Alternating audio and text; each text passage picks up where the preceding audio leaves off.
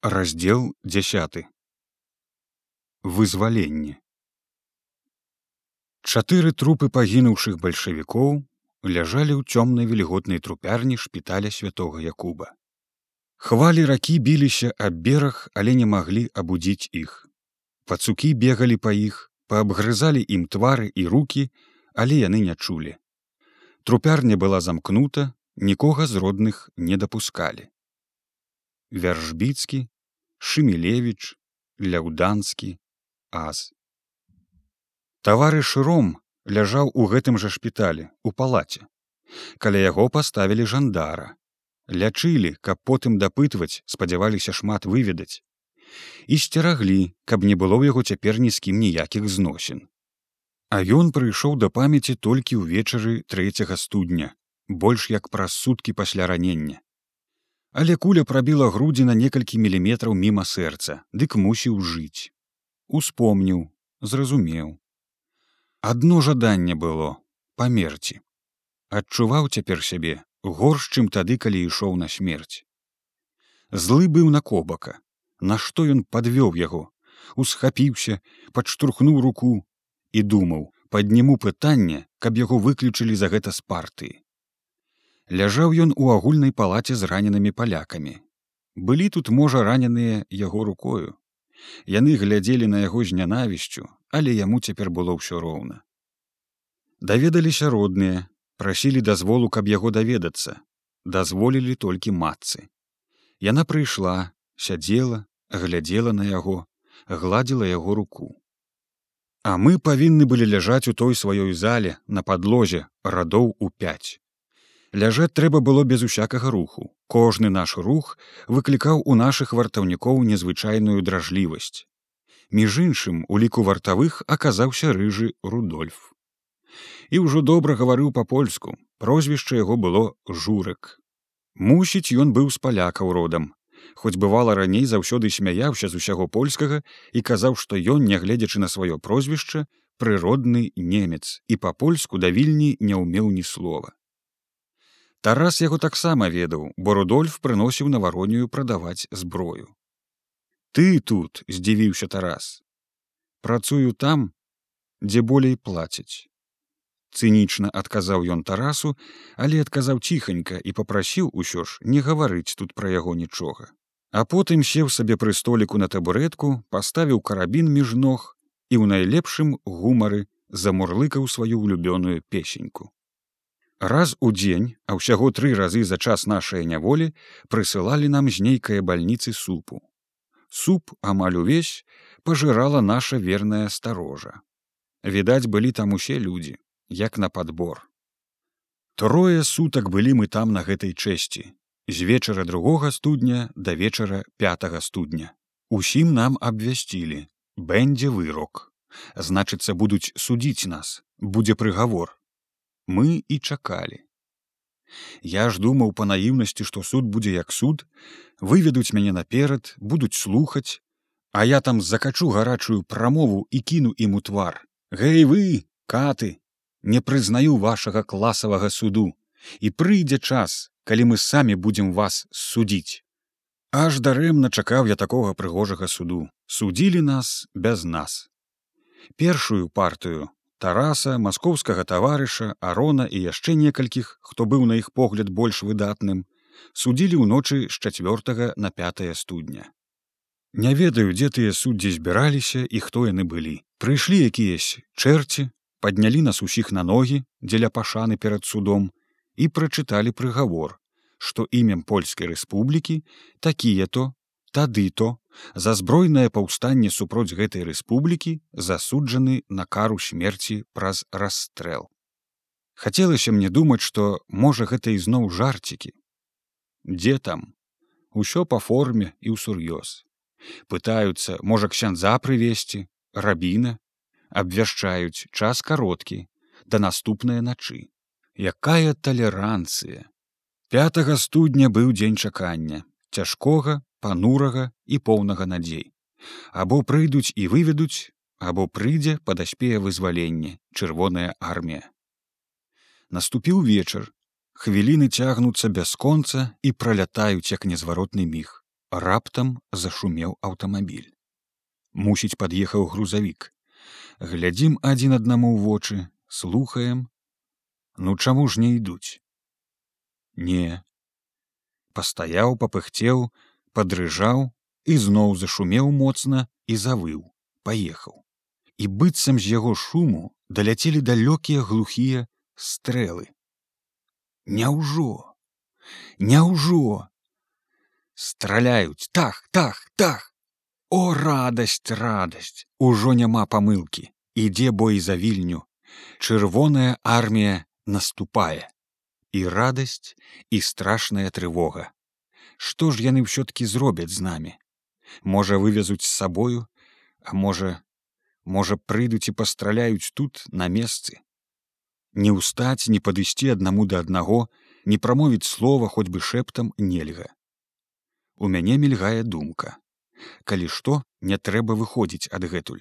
Не давацца да апошняй магчымасці. Калі што можна кінуцца на варту хоць з голымі рукамі нас многа каб толькі дружна з'яўляюцца шэсць новых легіянераў з патранташамі у паходным знараджэнні. Усе пазнанцы. З гутаркі чуваць што яны некага чакаюць. Каго?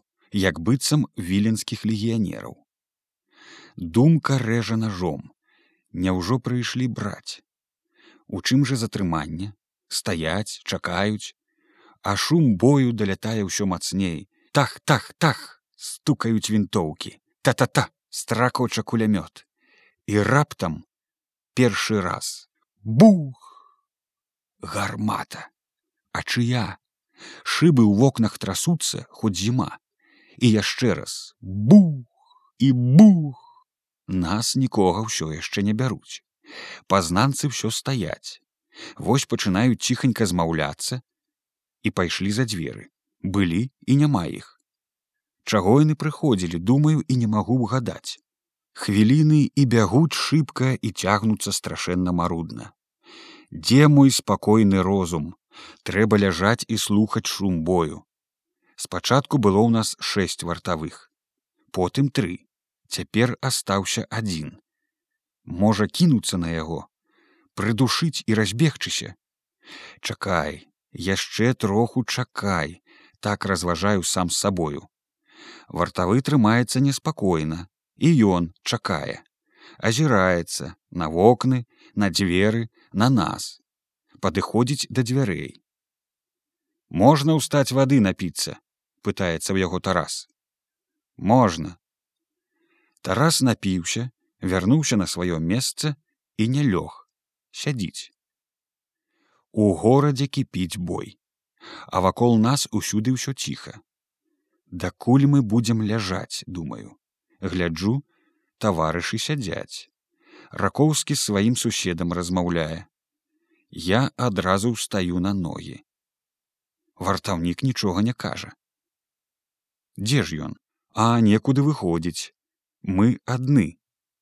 Усе заварушыліся, большасць на нагах, ракоўскі смела ідзе да дзвярэй і піхае. Не замкнута. Выйшаў і бяжыць назад. Таварышы, выходзьце. На вуліцы цёмна і нічога не разабраць, дзе што дзеецца.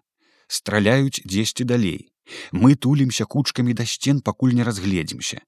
Бачым, сунецца ад катедры нейкая чорная маса людзей. Не ведаем хто кто идет крычаць адтуль по-руску свае свае адгукаецца тарас зычным голасам гэта здаецца тараса ў голас каменданта з вароней. Гаворыць там хтосьці як быццам бы мой бацька. Яны ідуць. Мы ідём. Сходзімся. Наперадзе ў іх адзін вайсковы другі у вольным. Кто здесь у вас тарас пытаецца вайсковы. Я браце я я крычыць тарас і аблапіў і цалуе чырвонаармейца. А ў вольным мой бацька.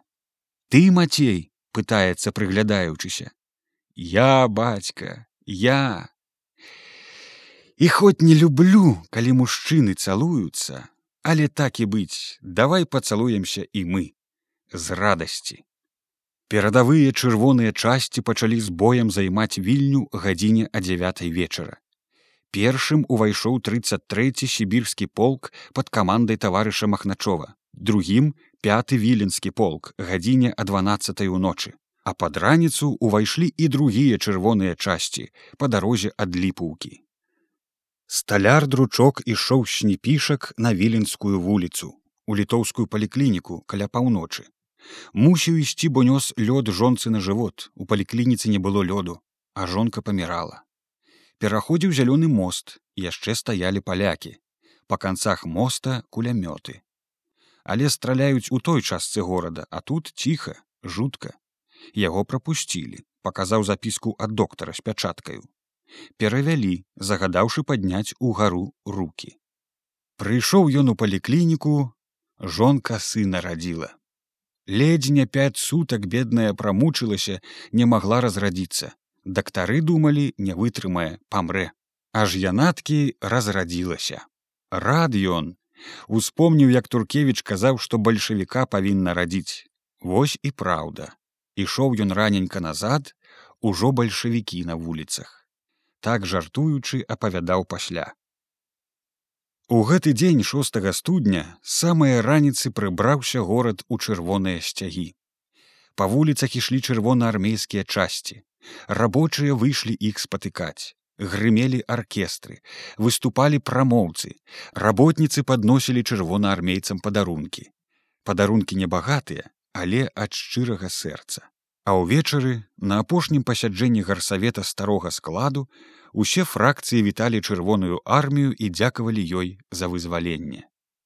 Памяць пагінуўшых таварышаў ушанавалі сумным жалобным уставаннем. На другі дзень сёмага студня было ўрачыстае пахаванне. Хавалі на скверы ў цэнтры горада, зрабілі мураваны склеп, На пахаванне выйшаў увесь віленскі пралетарыят. Провады з варонія да сквера былі велізарныя, грандыёзныя. І бачыў я за апошняю труною і потым каля склепа, калі казалі пахавальныя прамовы старэнькую яўрэйку. Худая, зморшчаная у бедным адзенні і павязала чорны шаль зношаны зношаны ў дзірачках. Шаль быў лёгкі летні, а яна завязала яго ўзімку. Чорны шаль і ў руках белая хустачка. Хустачку трымала, слёз не абцірала і плакала маўкліва. Толькі часам сама не прыкмячаючы, то адмахвалася галавою ад думак, то ківала ёю згары ўніз у роспачы і ўся панікала. Мусіць, была гэта маці таварыша Аза. Восьмага ўвечары на вароней варылі ўжо кашу.